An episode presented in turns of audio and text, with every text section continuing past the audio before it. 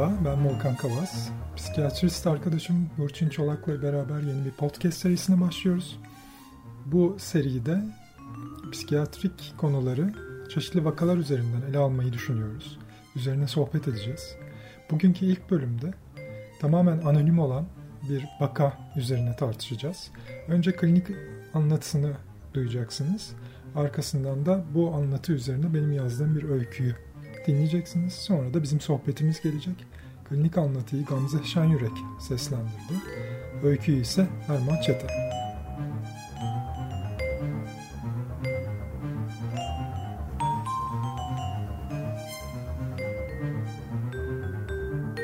Cemil S. 34 yaşında, bekar, erkek, çalışmıyor. Zorunlu yatışının gerekip gerekmediğinin değerlendirilmesi istemiyle polis eşliğinde acil servise getirildi. Yapılan ilk muayenede belirgin bir patoloji saptanmadı. Vaka, ailesiyle anlaşmazlık yaşadığını ve ona deri yaftası yapıştırdıklarını ifade etti. Sebebini bilmediği halde mahkemeden karar çıkarttıklarını ve zorla hastaneye getirildiğini belirtti. Aileden alınan öyküye göre hasta onları hayatını karartmak ile suçlamakta ve onlara zarar vermekle tehdit etmekteymiş. Vaka bundan iki buçuk ay önce kapalı erkek servisine yatırılmış ve 15 gün sonra taburcu edilmişti. O zamanki ilk görüşmede hastanın tedavi ekibine karşı tutumunun kibar ve kat içi uyumunun iyi olduğu gözlenmişti. Ayrıntılı muayenede ise paranoid elemanlar saptanmıştı. Vaka, ailesinin, özellikle abisinin kendine yardım etmediklerini, durumları iyi olmasına rağmen kendisine iş ayarlamadıklarını ifade etmişti ancak bu düşüncesini temellendirememişti. Doktorları iyiler ve ailesi tarafından satın alınmış olanlar diye iki gruba ayırıyordu. İçgörüsü yoktu. Tedaviyi reddetmişti ancak tedavi ekibine karşı bu konuda dürüsttü. İlaçlarını alıyordu ve bu durumu bunu engelleyecek gücünün olmamasına bağlıyordu. Ailesinin yatış talebi mevcut. Hastanın belirgin bir saldırganlığı yok. Oral tedaviyi kabul etti ancak depo iğnelere belirgin direnci mevcut. Hastanın ayaktan izlenerek bir sonraki hafta mahkemeye verilecek cevabın netleştirilmesi için sağlık kuruluna çağrılması planlandı. Polis hastaneden ayrılmış olduğu için kendisine müdahale edilemedi. Hasta acil servisten ayrıldı. Aileye bilgi verildi.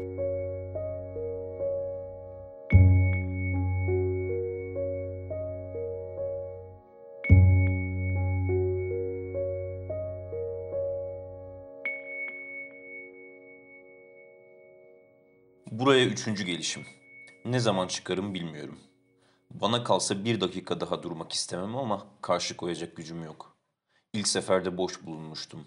Evet, iyi de hissetmiyordum pek. Diken üstündeydim, doğru. Ama işte annemle abime kandım. Boş bulundum. Oysa hep uyanık, ayık kalmalıydım. Yoksa işte öyle kaşla göz arasında kandırırlar insanı. Dedim ki, hadi deneyelim. Bir umut, bendeki bu halin adını koyarlar belki.'' Şifa falan beklemiyordum zaten. Hasta değildim ki. Sadece bana ne oluyor onu bilmek istedim. İyi ders oldu. Şimdi artık eminim. Sorun bende değil, onlarda. Önce 15 gün kapalı tuttular beni. Şu salgındanmış, karantinadaymışım, yersen. Sonra saldılar. Günler, haftalar sonra polis zoruyla tekrar getirdiler. Sonra yine serbesttim. Bu sefer de öyle oldu. Abim mahkemeden karar çıkarttırmış. Evden aldılar. Hiç istemiyorum ama tutamıyorum kendimi. Şu parmaklara bak, köküne kadar kemirilmiş tırnaklar, ete gelmiş sıra. Korkuyorum mikrop kapacak bir gün diye. Hadi onu geçtim. Yemeğe bir tutam tuz serpemiyor insan sızısından. Karar verdim, şu andan itibaren elimi ağzıma götürmek yok. Zaten şimdi her yer mikrop dolu. Daha iyi. Böyle titrek miydi bu eller eskiden? Hep böyle kart mıydı parmaklarım? Şimdi su içerken bardağı bile sabit tutamıyorum. Bir gören olacak diye kafaya dikip bitiriyorum hemen. Yarısını ben, yarısını gömleğim içiyor. Bir zamanlar onca kol saatini hatasız söküp takan ben değilim sanki. S pasajındaki penceresiz dükkanımı özlemiyorum desem yalan olur. Frank işi masa lambam, oynar başlıklı büyütecim, tekli göz merceğim, mikro kerpetenim, halis deri çantasıyla otuzlu tornavida setim, cımbızlarım, lehimim, at tüyünden İsviçre işi el yapımı boy boy fırçalarım. Hepsi yüklükteki bavulda benim gibi atıl ve kendi halinde şimdi. Peki ya her birinin kendi dili, kendine göre kaplısı olan yüzlerce kol saati? Onlar şimdi kim bilir hangi bileklerde ömür törpülüyordur, hangi çekmecede yeniden kurulmanın özlemini çekiyor, hangi eskicinin rafında paslanıyordur. Kimi belki bir antikacıda yeni sahibini gözlüyordur. Kimi ise emekli, acı bir bırakılmış duygusuyla çöplükte öylece yatıyordur. Ben ben her sabah erkenden neredeyse koşar adım, pasajdaki esnafın çoğu henüz kepenk kaldırmamışken elimde metronun işhanı çıkışındaki simitçiden aldığım açma, dükkana varır, çayımı demler ve derhal işe koyulurdum. Bütün gün yeşil çuha üzerine özenle serdiğim çarkların, yayların, zembereklerin, dişlilerin dünyasına tereddütsüz gömülür, ara sıra gelen müşteriler de olmasa uyanmak istemeyeceğim bir hülyanın içinde esirmiş akşama ederdim.'' Hava açıksa koridorun sağındaki tuvaletin tek göz penceresinden hırdavatçı Eşref'in vitrinine, oradan sekip benim serginin arasından kırılarak masamın üzerine düşen akşam kızıllığı dürtene kadar kalkmazdım yerimden. Bulutlu günlerde ise ancak pasajın bekçisi, biraz sitemkar, ''Cemil abi, kapatıyorum.'' diye seslenince sıçrar, isteksizce toplanmaya başlardım. Diyeceğim o ki, parmaklarım zerre kadar titremedi hiç. Sonra Sonra birden her şey bitti. Dükkanımın raflarını, duvardaki tabloları ve depodaki kutuları mesken tutmuş küçüklü büyüklü, çeşitli marka ve renkteki sayısız bay bayan saatinin mağrur tiktakları kalmadı. Zaten kulaklarımı acıtıyordu artık bu sesler. Özellikle o önemli keşfimden sonra onların böylesine tavizsiz bir dakiklikle ve durmaksızın çalışmalarına katlanamaz olmuştum.'' Derken öyle bir an geldi ki bana her gün anımsattıkları o acı gerçek karşısında daha fazla kayıtsız kalamayacağımı anladım. Önce sadece birkaç tanesinden en çok da kahverengi kayışlı, yakut zemini ve pırlantalı dilimleriyle kendi saatimden şüphelenmiştim. Her şeyin sorumlusu o sanmıştım. Sanki ihanete uğramıştım. Hayran olduğum ama tahammül edemediğim bir sevgiliden ayrılır gibi aniden terk ettim onu. Ama çok geçmeden anladım ki başkaları da işin içinde. Bir an geldi bu musibetin atölyemdeki bütün saatlere bulaşmış olduğunu fark ettim. Belli ki birileri saatlerin hiç durmadan çalışmasını istiyorlardı. Bunun için incelikli, öyle her erbabın dilinden anlayamayacağı bir mekanizma geliştirmişler ve bunu hepsinin içine tek tek yerleştirmişler, iyice bir gizlemişlerdi. Üstelik her birinin başka bir yerine. Yıllarımı vermişim bu işe, benden kaçar mı?'' Daha çocuktum babamın yanına çırak girdiğimde. 9 yaşındaydım. Önceleri bazı günler işe giderken haylaz abimden uzak kalayım diye beni de alırdı yanına. Ona benzememden korkardı. Serseri bir top ve otomobil delisi. Sonradan sonraya bendeki alışılmadık detaycılığın farkına varmış olacak ki yaptığı bazı şeyleri dikkatle izlememi, ardından harfiyen tekrar etmemi istemeye başladı.'' Verdiği görevlerin altından kalktığımı gördükçe bir sonraki adımda daha zor, daha karmaşık bir ödev koyardı önüme. İstediklerini bir an dahi takılmaksızın eksiksiz yerine getirirdim. Bıyık altından gülümser, bana fark ettirmemeye çalışsa da her seferinde gurur dolu ifade dolaşırdı yüzünde. Gözleri hep üzerimdeydi. Özenle ve tane tane neyin ne için kullanıldığını anlatır, kulağıma saat ayarlamanın püf noktalarını fısıldardı. Galiba ona çekmişim.'' O da benim gibi erkenden işe gelir, saatlerce çalışır, çıkışını olabildiğince geciktirirdi. Günü bitirip eve dönmek istemezdi. Bazen apartmanın girişinde cebinden anahtarını çıkarırken yanlışlıkla içi geçmiş bir fıstığı ısırmış biri gibi yüzünü buluşturur, burun kanatlarını açarak derin bir nefes alır ve öyle atardı adımını hole. Bir gün babam aniden daha 45'indeyken ölüverdi. Dükkanı devralmamı kimse yadırgamadı. O gittikten sonra Tam 8 yıl bil fiil sürdürdüm baba mesleğini. Önce kendi saatimden başladım tamire. Bittiğinde yoldaşım yeniden sol bileğimdeydi. Sonra acil siparişleri hallettim. Ardından dükkandaki bütün saatleri üşenmeden bir bir haftalar süren bir araştırmaya tabi tuttum. Birini bitirip diğerine geçtiğimde bir parça daha rahatlıyor, kulaklarımdaki acının hafiflediğini hissediyordum. Sonunda o sinsi fazlalığı hepsinde teşhis etmiş, saatlerin doğru çalışmasını engellenmeyeceğinden ya da ilk günlerde tekleseler, geri kalsalar ya da ileri sarsalar da zamanla yeniden kusursuz çalışacaklarından emin olduktan sonra söküp çıkarmıştım. Çıkan tüm parçaları pirinç bir kutuda topladım. Tedavi edilmemiş saat kalmadığında ki buna kani olmak için her birini dörder kez kontrol etmem ve ayrıntılı bir envanter kaydı tutmam gerekti. Pilinç kutuyu dükkanımın arka bölmesindeki para kasasına kilitledim. Nihayet ferahlayabilirdim. Tehlike bertaraf edilmişti.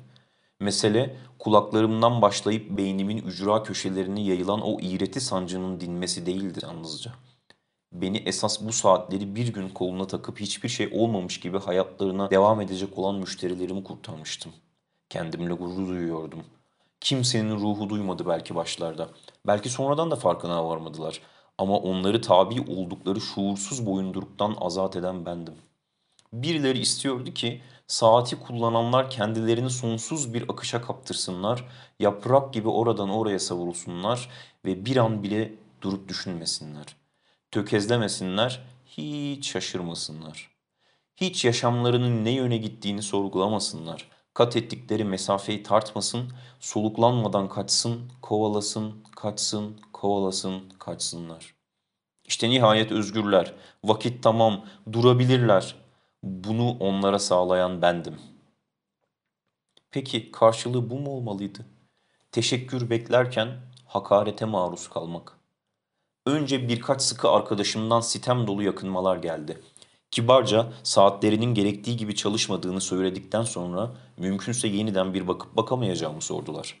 Tabii ne demek diyerek birkaçını inceliyor, defalarca üstünden geçmeme karşın herhangi bir sorun saptayamıyor ve saatlerini nasıl teslim aldıysam öyle sahiplerine iade ediyordum.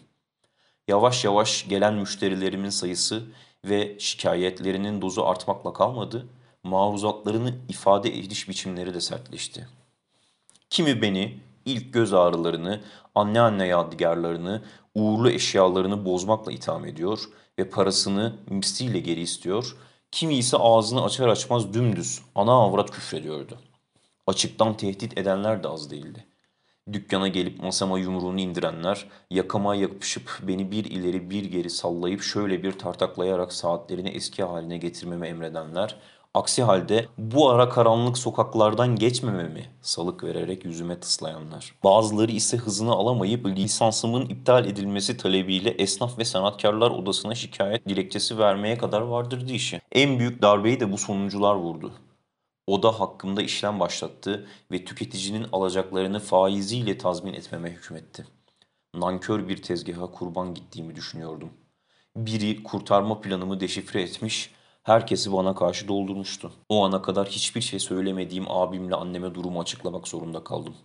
Sanki çok tuhaf bir yaratık görmüşçesine yüzüme önce şaşkınlıkla sonra dehşet ve öfkeyle baktılar. Ne yalan söyleyeyim ben de onca borcu nasıl denkleştireceğimi bilmiyordum. Abim yardım edebilirdi pekala ama etmedi. Sonrası tahmin edileceği gibi önce haciz sonra mühürleme. Bir haftaya kalmadan mekan başka bir esnafa kiralanmıştı. Burada bana iyi bakıyorlar. Beyaz badanalı, yarım bir otobüsü andıran, bol güneşli bir odaya yerleştim önceki gün. Tek başımayım. Uzun duvara dayalı yatağımın ayak ucu kilitli kapıya bakıyor. Baş kısmı sıkı dokunmuş demir bir parmaklıkla kaplı geniş pencerenin altında. Üçüncü katta olmamıza rağmen cama uzanmış ağacın sarı, kızıl ve yeşilin tonlarına boyalı yapraklarını görebilmek için Yastığımı ayak ucuna koyup ters yatıyorum.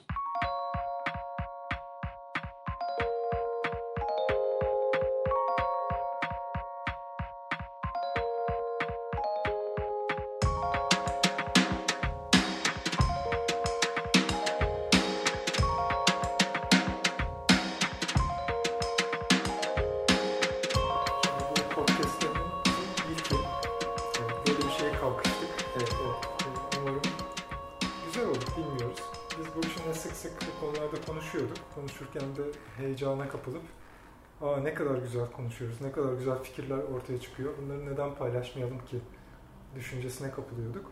Onun üzerine böyle bir podcast serisi yapsak mı acaba diye düşündük. Ee, yani bu konuda çok fazla ben bir şey söylemeyeyim. Doğrudan konuya girelim. Ben Cemil dedim. Bu kişiyi Cemil olarak anacağız.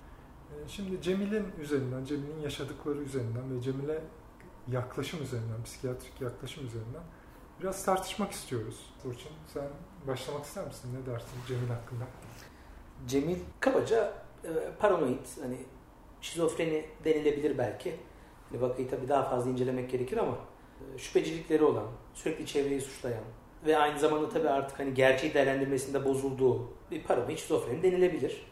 Böyle bir vaka. Tedavi reddediyor, istemiyor. Aile belli ki yorulmuş. Şimdi Cemil saatçi olarak çalışıyor. Hı hı. Eskiden. Fakat e, bir süre sonra işi bozuluyor. E, Çünkü aslında çok hüneri yüksek, el becerileri yüksek bir ustayken bir süre sonra işte saatlerin içinde bir şeyler keşfediyor kendince. E, Ve bunların insanları etkilediğini düşünmeye başlıyor. İşin paranoya kısmı herhalde burası. Ama Cemil'in bir de bir kişi olarak ihtiyaçları var sanki. Mesela işini kaybettikten sonra Cemil acaba nasıl bir noktaya varıp varacak? Yani mesela içinde olduğu o paranoid durum kötüleşecek mi? Eğer böyleyse e, Cemil'e nasıl bir yaklaşımda bulunmak gerekir? Ya da Cemil acaba yalnız hisseden bir insan mı? Bir anne var, bir de abi var. Her ikisiyle de ilişkileri çok iyi değil. Onun dışında Cemil'in çok fazla arkadaşı da yok anladığım kadarıyla. Yalnız bir insan, e, kendi kendine yaşayan bir insan, kendi kendine belki bir düzen tutturmuştu. Fakat o düzen bir noktadan sonra bozulmuş, işsiz kaldıktan sonra da e, aileyle ilişkileri daha da kötüye gitmiş. Tamam paranoid evet. Klinikte değil mi? Öyledir. Yani paranoidler vardır, paranoid olmayanlar vardır, psikotikler vardır, psikotik olmayanlar vardır. Ama paranoidler, psikotikler her neyse bu küme içinde de ihtiyaçları birbirlerinden çok farklı insan grupları yok mu? Ve bizim acaba psikiyatri yaklaşımımız bu ihtiyaçlara ne kadar duyarlı? Zor soru Volkan. Yani aslında zor sorular. E, muhtemelen genelleştirebilmek kolay değil diye düşünüyorum. Bağlam önemli. Yani hastalık yok, hasta vardır dendiği gibi belki de burada da hani psikiyatrik tedaviler yok ya da psikiyatrik tedavi diye genel bir başlık belki yok ama hani aslında hikaye yani benziyor. Sen bir yandan konuşurken aklıma da ister istemez istatistikler geliyor benim. İşte mesela şizofrenide işlevsellik oranları geliyor. Bilimsel makalelerde geçer ya işte yıllık e, maliyeti hani matematiksel bir para hesabı işte şizofreninin işte Amerika'da yıllık maliyeti işte bilmem kaç milyon dolardır. Acaba tedavisiz bıraksak ekonomik olarak daha mı iyi olur? Yoksa yani ne kadarını tedavi edelim, ne kadarını tedavisiz Etmeyelim. bırakalım? Bunun ekonomik hesabını söylüyorsun. Evet ve hani şey gelir bana mesela o mesele vakaların e, yarattığı ekonomik yük üzerinden hesaplanıyor.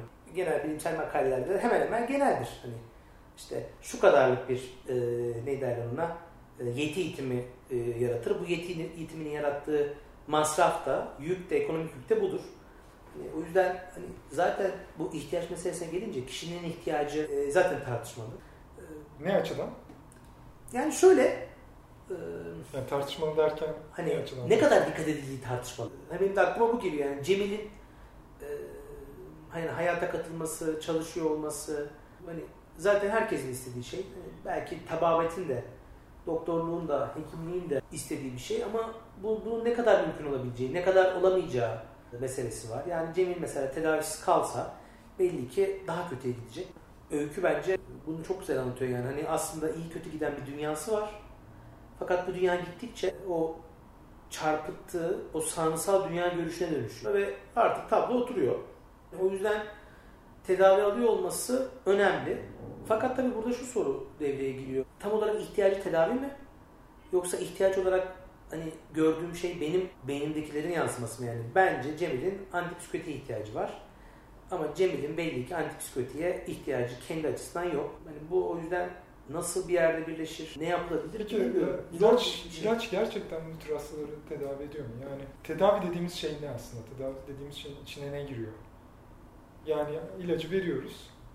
Değil mi bu hastalara? Evet bazı semptomlar azalıyor. Mesela işte paranoid düşünceler belki azalıyor. Sanrıları varsa belki onlar hafifliyor ya da kişiyi etkilemeyecek bir düzeye iniyor. E bizim tedavi dediğimiz peki bu, bu mu? Çünkü bu hani bu kişinin dünyası, dağılmış dünyasını gerçekten toparlayıp onu yeniden mutlu bir insan, tatminkar bir insan haline dönüştürüyor mu? Yoksa te- yani genel olarak daha uyumlu, işte biraz daha uyumlu, biraz daha az diyelim ki saldırgan, biraz daha az dikkat çeken, biraz daha az insanların sinirine biraz daha az dokunan bir insan haline mi getiriyor? Yani tedavi dediğimiz şey ne? Çünkü tedaviden anladığımız onu da netleştirelim. İlaç vermek değil mi? Antipsikotik vermek ve bunun düzenli almasını sağlamak. Bizim tedaviden anladığımız bu. Tam buraya indirgeyemeyiz ama aslında eğer konu özellikle sağnısal psikotik bir şeyse genel bir konsept olarak e, ilaç almadan olmaz. Yani ilaçsız bir tedavi modalitesi olmaz. Bununla ilgili alternatif görüşler var.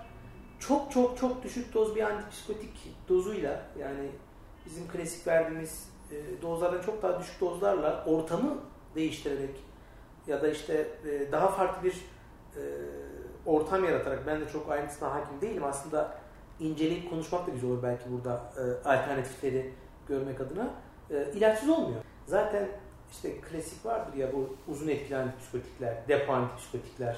Hani vakanın tercihine bırakmayacak şekilde ya da isteğine bırakmayacak şekilde uzun etkili kullanılmıyor. Şu anda mesela benim asistanlığımda eski ilaçlar vardı. İşte bir 15 gün, bir ay arasındaydı. Şimdi aylıklar çıktı, 3 aylıklar çıktı. Bir hastaya 3 ay iğne yapıyorsun. Yılda 4 defa görsen ilacını yapsan yeterli. Şu anda 1 yıllıklar yolda deniyor. Fakat yani ilaç kullanımı gittikçe pratik hale geliyor. Onu pratik hale geliyor ve hastanın Ama... tercihinden bağımsızlaşıyor aslında. Yani ben hastayı iki kere, yani şöyle hastaya bir şekilde yıllık iğnesini yaparsam, hı hı. yılda bir kez de bu iğneyi yaparsam vakasının ilacını almış olacak. Tedavi üzerinde... Tercihinden bağımsızlaşması Tabii, ne demek yani? Şu demek, e, o vakaya bir şekilde bir kere o iğne bile yapılırsa bir sene boyunca hastanın tercihlerinin bir önemi yok demek. Çünkü kanına, vücuduna karışmış oluyor ilaç. Ha, Böylece vaka e, almış oluyor. Buradan şöyle bir, şimdi şeytan avukatlığını yapacağım. Şöyle bir anlam çıkarabilir miyiz?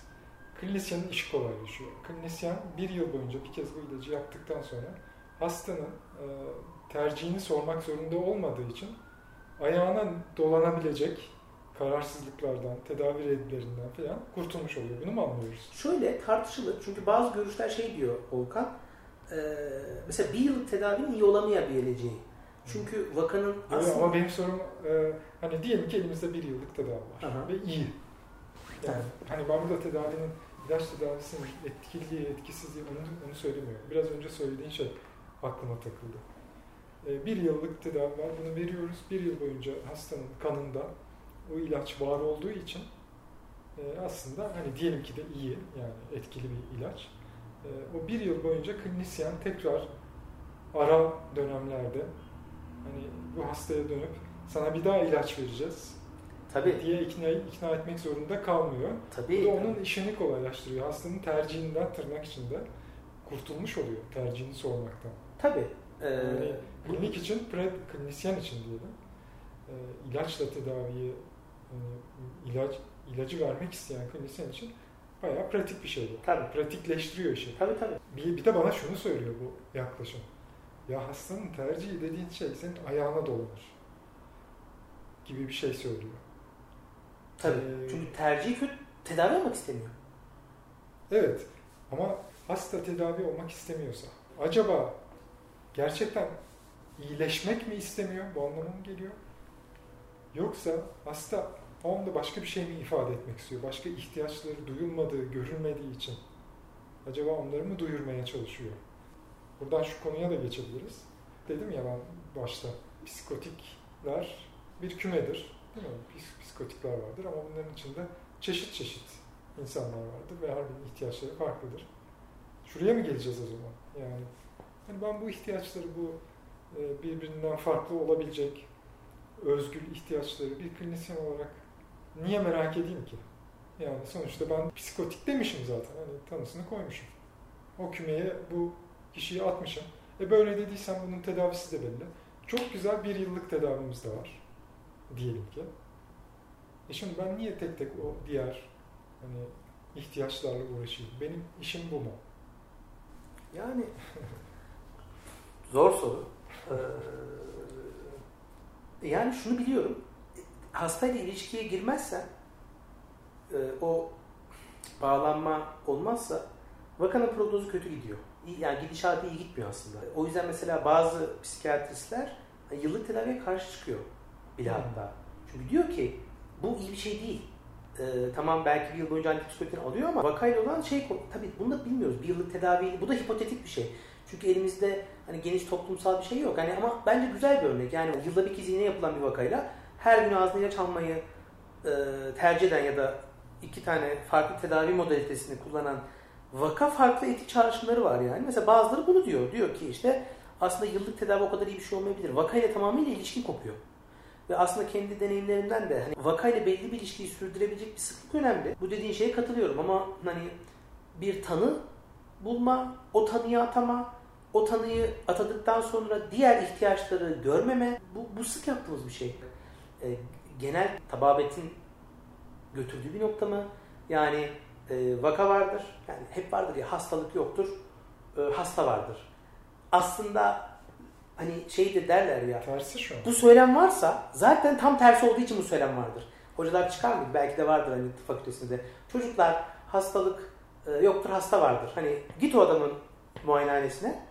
Muhtemelen heh, tam o dediğinin tersini yapıyordur. Hani öyledir ya en çok şey Nietzsche'nin mi lafı? En çok ahlaktan bahsedenler en ahlaksızlardır gibi. O bakımdan şey bu, buna katılıyorum. Yani ama bir yandan da ne yapayım? Paranoid işte. Yani hastanın ihtiyacı dediğimiz şey hastanın kendisi için istediği bir şey. Ama şu, şu da var. Hani bilinç dışı var. Ee, insanın aslında rasyonel bir canlı olmadığı meselesi var. Vakanın kendi iyiliği için istediği şey aslında iyiliği için iyi gelmeyebilir. Yani aslında istekle ihtiyaç arasında bir fark var. E, ha evet mesela doğru. Şimdi hastanın istediği şey her zaman onun ihtiyacına denk gelmeyebilir. Güzel. Hastanın talep ettiği şey. Ama bir de ihtiyaç zor, zor bir kavram. İhtiyaç tanımlaması da zor bir kavram. Ama Cemil'i düşünürsek mesela hani her insanın aslında sahip olsa kendini biraz daha kabullenilmiş, biraz daha e, sosyal bir ortam içinde, ilişki ağı içinde kendini gerçekleştirebilir e, konumda bulacağı şeyler, koşullar. Mesela Cemil'i düşünelim.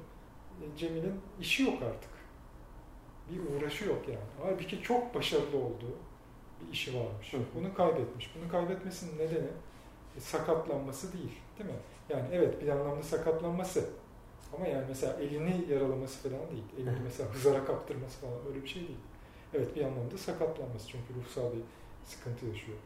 Ee, ama yani el be- becerileri hala büyük ihtimalle e, sabit. Fakat elleri titriyor, tırnaklarını yiyor. Ellerinin tit- titremesinin ve tırnaklarını yemesinin nedeni e, başka bir şey. Herhalde e, bu paranoyalar onda korkuya yol açıyor herhalde. Yoğun anksiyeteye yol açıyor. Acaba ben zarar mı göreceğim e, diye düşünüyor. Acaba bu hekimler, hekimleri de ikiye ayırdığını klinik anlatıdan biliyoruz. E, acaba bu hekimler ya da sağlık personeli e, satılmış insanlar mı? Bir kısmı. Birileri onları satın mı almış? Yani ben bir zarar mı göreceğim? Çok yoğun bir ko- korku ve anksiyete yaşıyor olabilir ve sürekli elleri titriyor ve tırnaklarını yiyor, endişeli. Hı hı. Ee, bu yüzden de çalışamıyor. Yani çalışmasının önündeki engellerden bir tanesi de bu. Bir tanesi de tabii paranoyaları. Çünkü çalışıp saatleri açıp hepsinin karnını, saatlerini deştikten sonra tekrar yerine taktıktan sonra e, hem işler gecikiyor hem de saat sahip saat sahipleri tabii rahatsız oluyorlar, huzursuz oluyorlar. O yüzden de işini kaybediyor ama söylemeye çalıştığım şey şu. Yani aslında e, çok becerikli olduğu bir uğraşı var. Bu uğraşı ona geri kazandırmak mesela temel ihtiyaçlardan biri değil mi? Bir. İkincisi mesela insan ilişkilerine aslında yapıcı, güven dolu insan ilişkilerine ihtiyacı var. Yani orada kronikleşmiş evde yani anne ve abinin olduğu ortamda değil mi? Yani çıkmaza girmiş artık kısır döngüye düşmüş bir ilişkiler ağı var. O tahammül edemiyorlar birbirine. Acaba Cemile oradan çıkarıp bir şekilde başka ilişkiler ağının içine sokmak tedavinin bir parçası olamaz mı? İlacın yanı sıra. Hani burada asla şöyle bir şeyden iddia etmedim ya ilaç geçersizdir, yararsızdır falan. Ama ilaç tek ve e, e, nasıl söyleyelim? Elimizdeki tek olanak sığınılacak tek liman mı? Psikiyatristler ne yapsın dedim.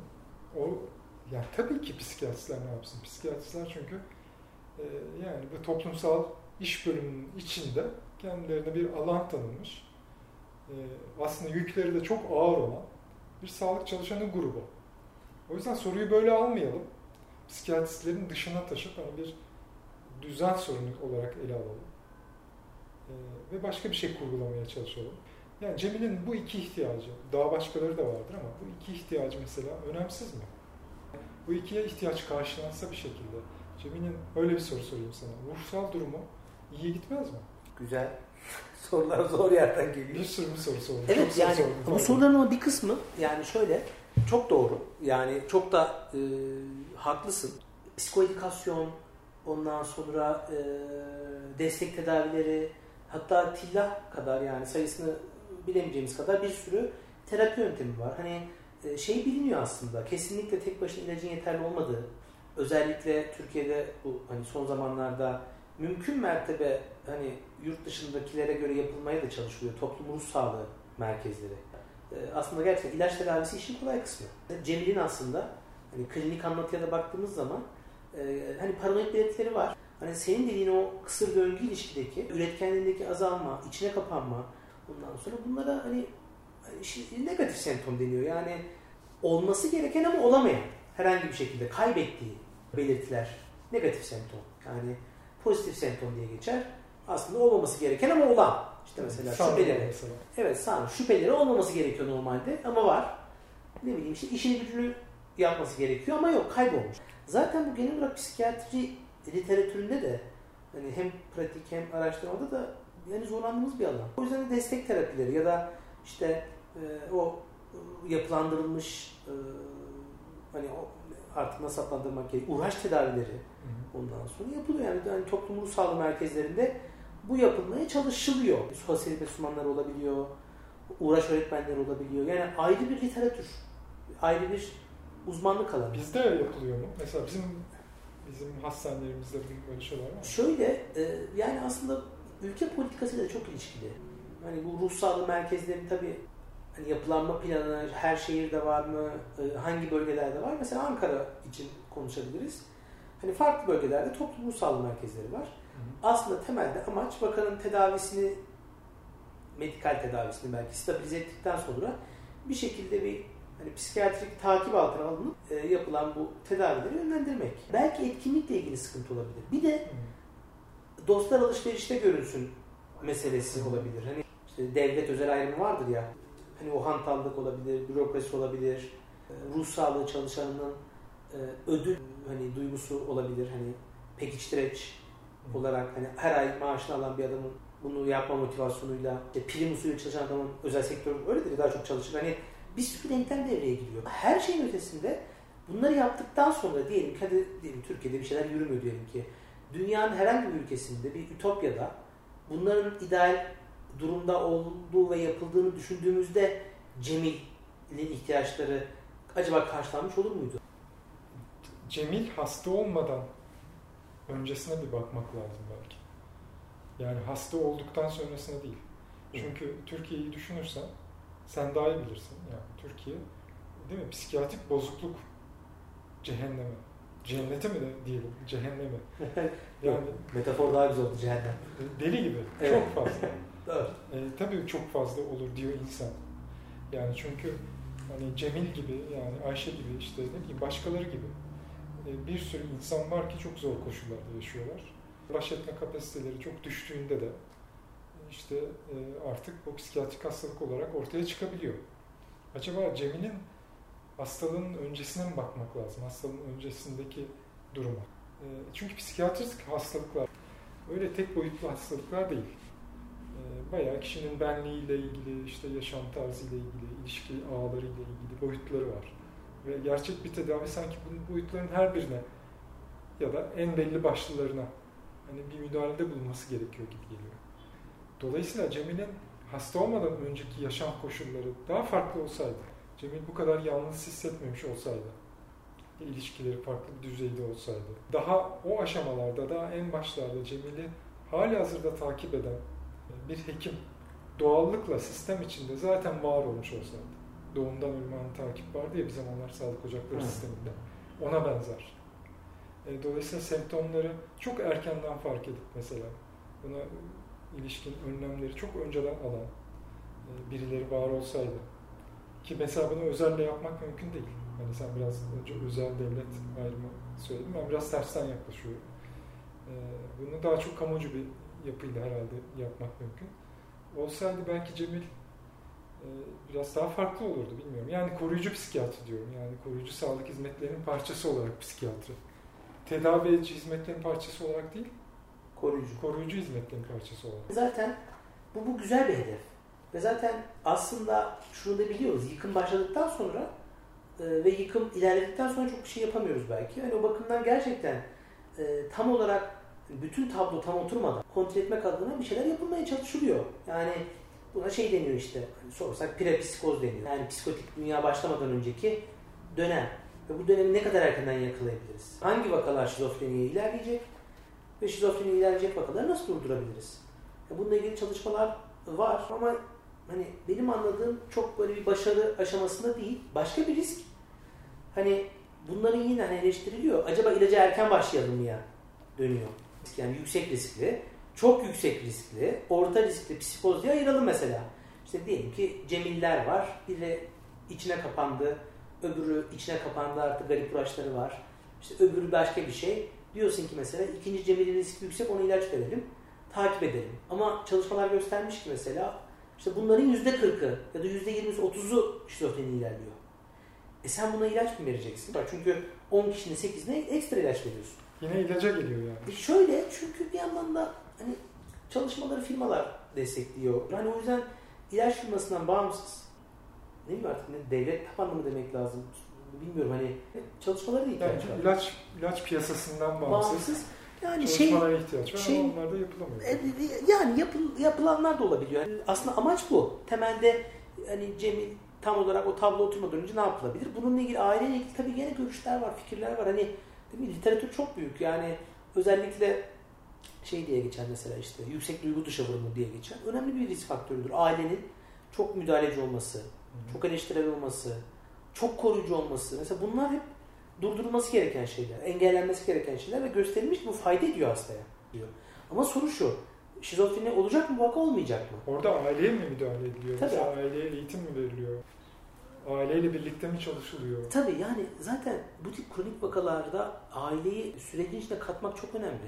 E, Çünkü zaten o vakayla birlikte, Cemil'le birlikte yaşayan aile işte öyküden de gördük zaten hani kendileriyle ilgili kaygıları var. Hı hı. E, Çünkü sürekli de tartışan biri.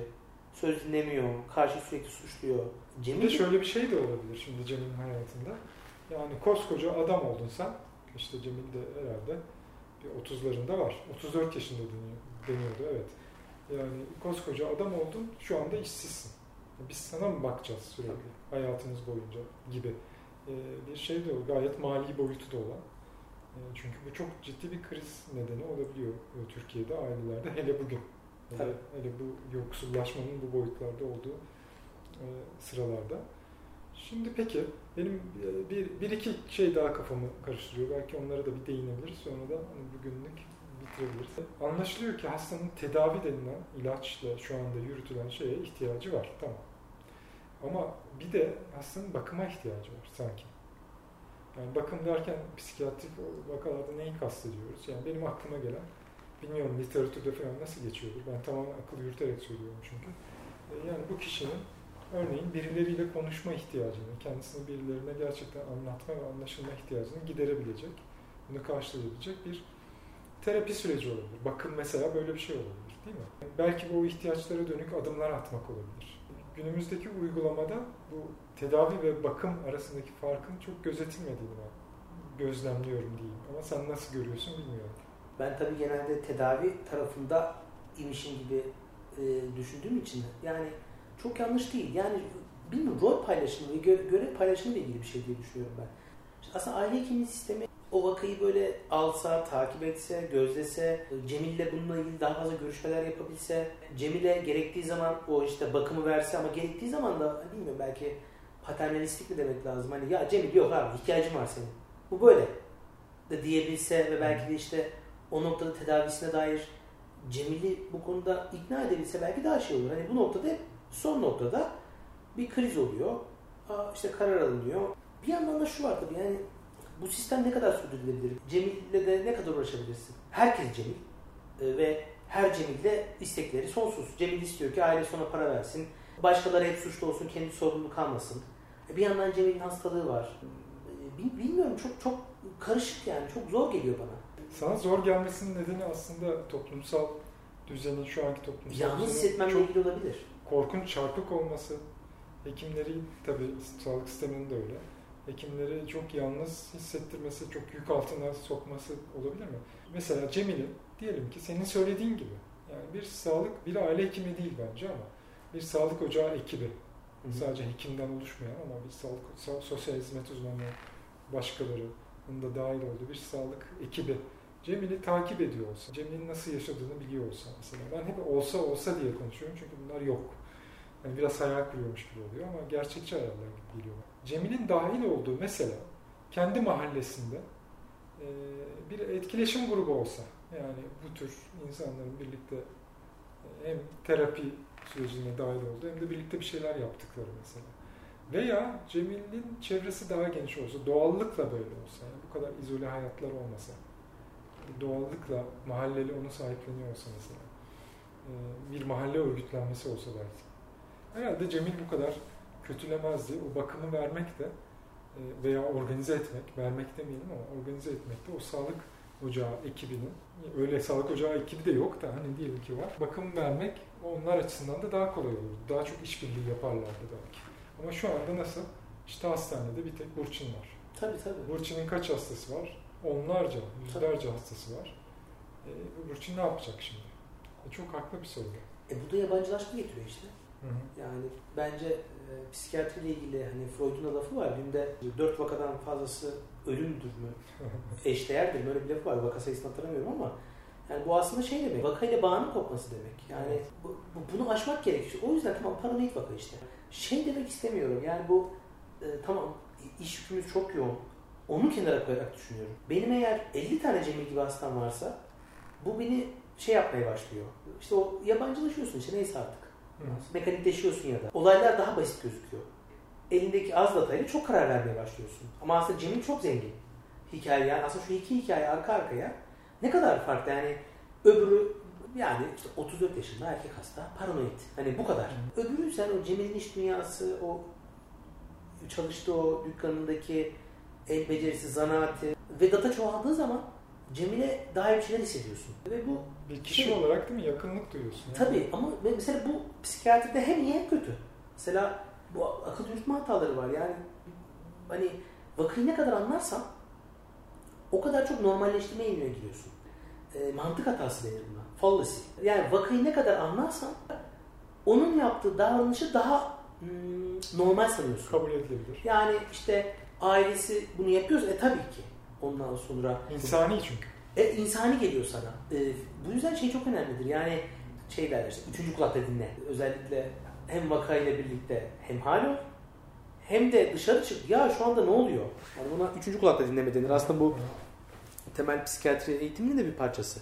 E, vakayla şu anda ne yaşıyoruz? Vakanın acısı ne? Ama senin bahsettiğin özdeşleşme değil mi? Nasıl yani? Yani vakayla özdeşlik kurma.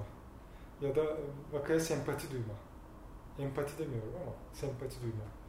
Ee, vaka sanki arkadaşımmış gibi. Vaka, vaka diyoruz da insandan yine bahsediyoruz. Doğru evet. Yani o kişi e, hani bir yani tanıdık gelme, aşina gelmesi. Çünkü insanlardan bir insan işte kendi hikayesi olan birisi.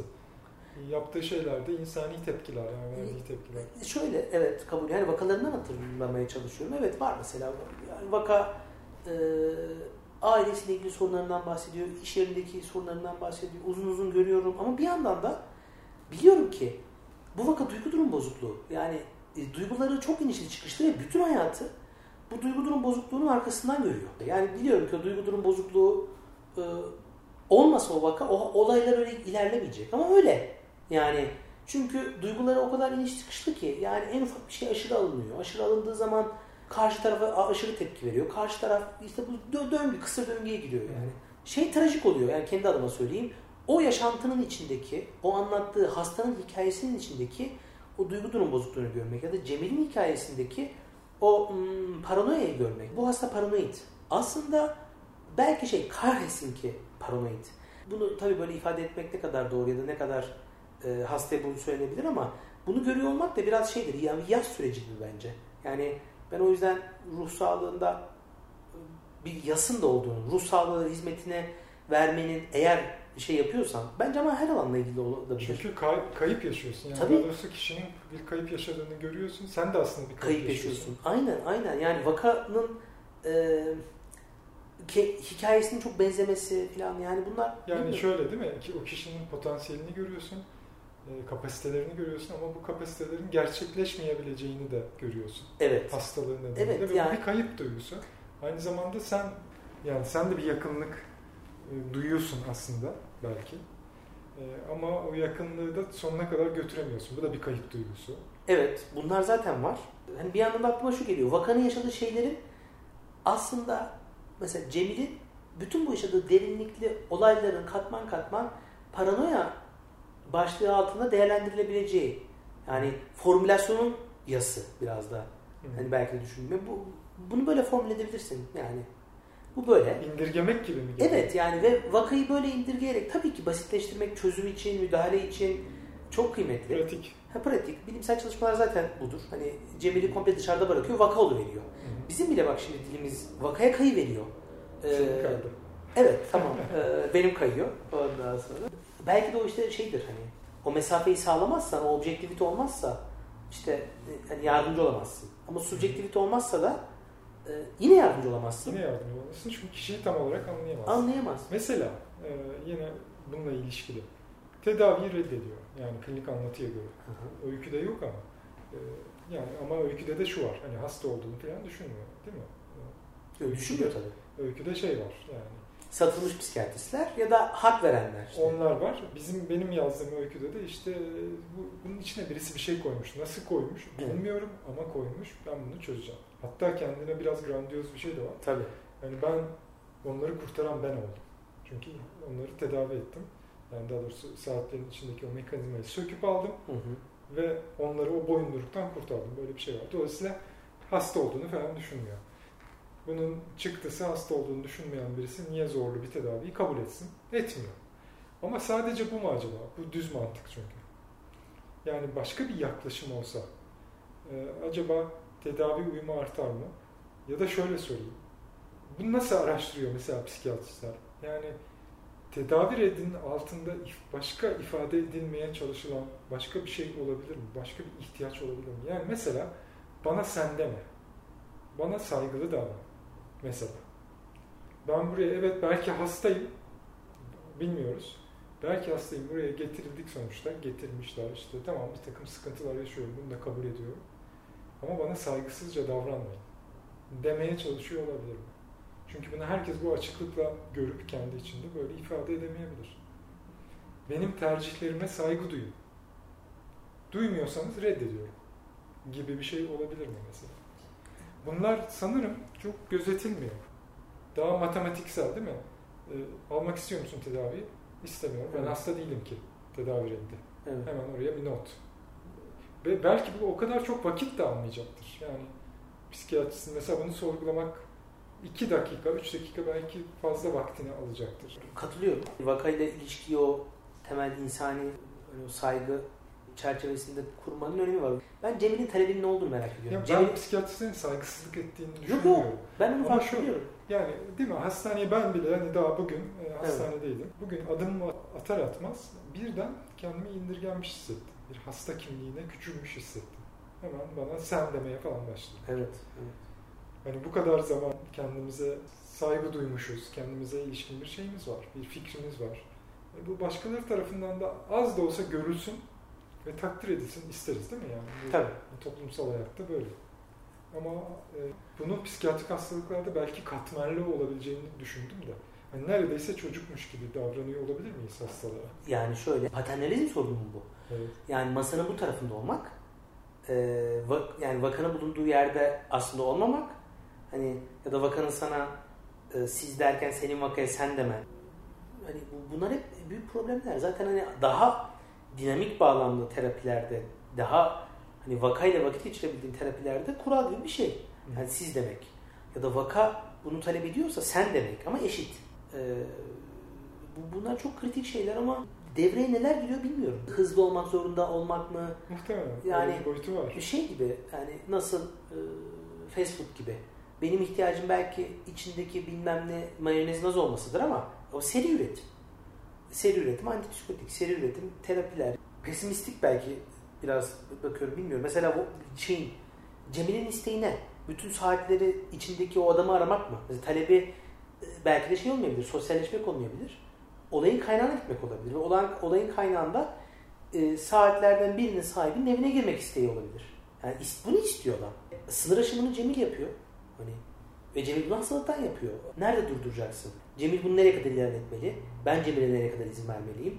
Mesela bu belki e, dozla ilgili bir şey olabilir. Bazı vakalarıma şey gibi biliyorum. Ya sağda solda konuşma da hani ben Mehdi'yim diye dolaşmadı ortada. Ben de sana ilacını az vereyim. Sonra bu doğru mu o da şey çünkü totalde istenen şey hastanın fikrin, o paranoid fikrin tam geçmesidir mesela.